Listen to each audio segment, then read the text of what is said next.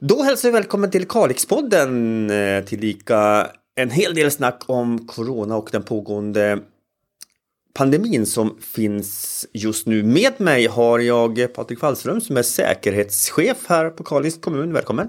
Tack så mycket! Ja, vi går väl rakt på sak. Hur är läget i Kalix just nu med pandemin?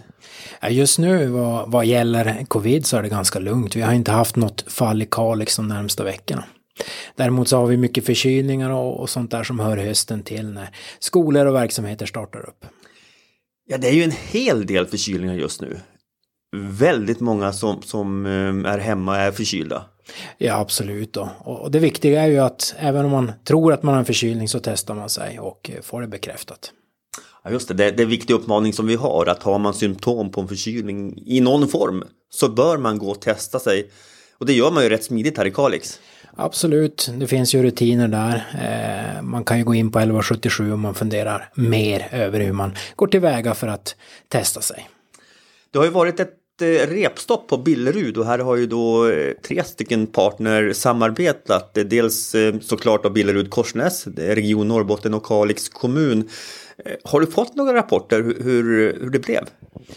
Vad jag har förstått så har det ju gått väldigt bra och, och de är nöjda med informationen de har fått och än så länge kan vi ju inte härleda någon, något utbrott från det här repstoppet. Och det visar ju då, tycker jag, på den här samverkan där företaget i sig har tagit ett enormt stort ansvar. Men också då de här två andra parterna, Region Norrbotten och, och Kalix kommun, att man samarbetar. Och det har också gett det här resultatet att, att man inte, som du säger, har hittat något utbrott. Mm, exakt. Det verkar. Vi är ju inte... Det har inte gått så mycket tid ännu så att vi kan inte vara helt säkra. Men, men som det ser ut nu så ser det väldigt bra ut. Hur agerar en kommun i ett sånt här läge? Det har ju varit en period med, med väldigt eh, lugn karaktär så att säga. Men vi har ju en beredskap. Nu har vi ju gått över till ett normalläge så att säga.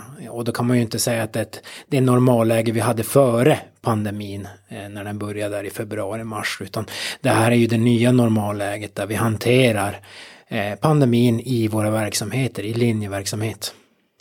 Och det innebär alltså att det, det stabsläge som kommunen hade här under många veckor och till och med månader det läget är det inte just nu.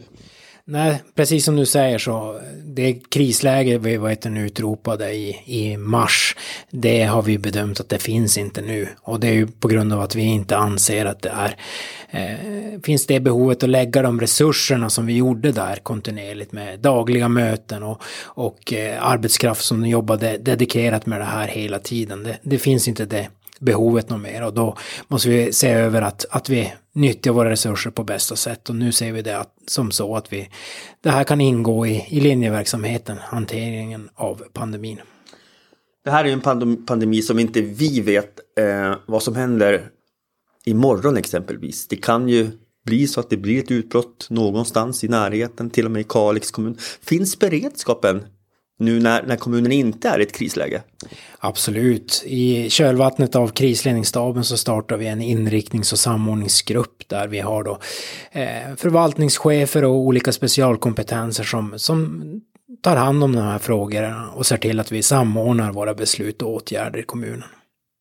Det har ju snackats en hel del om riskgruppen och framförallt då de som bor på ett äldreboende. Hur har det där och vilka signaler har du fått under den här pågående pandemin så här långt? De rapporter jag har fått är ju att det har varit lugn nu och att vi har ju inte haft någon smitta på, på något boende och vi får väl hoppas att det fortsätter. Mm. som sagt var, ingen smitta just nu i Kalix. Det testas vad jag förstår väldigt många just nu i Norrbotten på grund av att man har symptom i någon form av förkylning och så vidare. Ehm, vad är din uppmaning till, till de som sitter och lyssnar på det här just nu? Ja men det är som vi har sagt tidigare här i podden att eh, har man symptom så testar man sig så för, för att säkerställa att man inte har smittan så att säga. Finns det någon verksamhet nu i kommunen eh, som inte fungerar normalt på grund av den pågående pandemin? Vi har ju exempelvis evenemang är ju ett sånt exempel där, där eh, många publika evenemang har fått ställas in och så vidare. Man tittar på digitala lösningar. Men skolans verksamhet den, eh, den har gått tillbaka till, till det normala som ett exempel då? Ja, till, till stor del.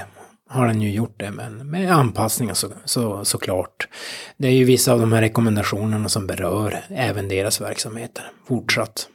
Hur ser samarbetet ut? Vi nämnde ju det tidigare Patrik, eh, exempelvis med Billerud Korsnäs repstopp. Hur ser samarbetet ut just nu med, med eh, de övriga kommunerna, med myndigheter, Region Norrbotten, Länsstyrelsen och så vidare? För att när det var som, som tuffast och hetast, då var det väldigt mycket kontakt mellan de här myndigheterna. Mm.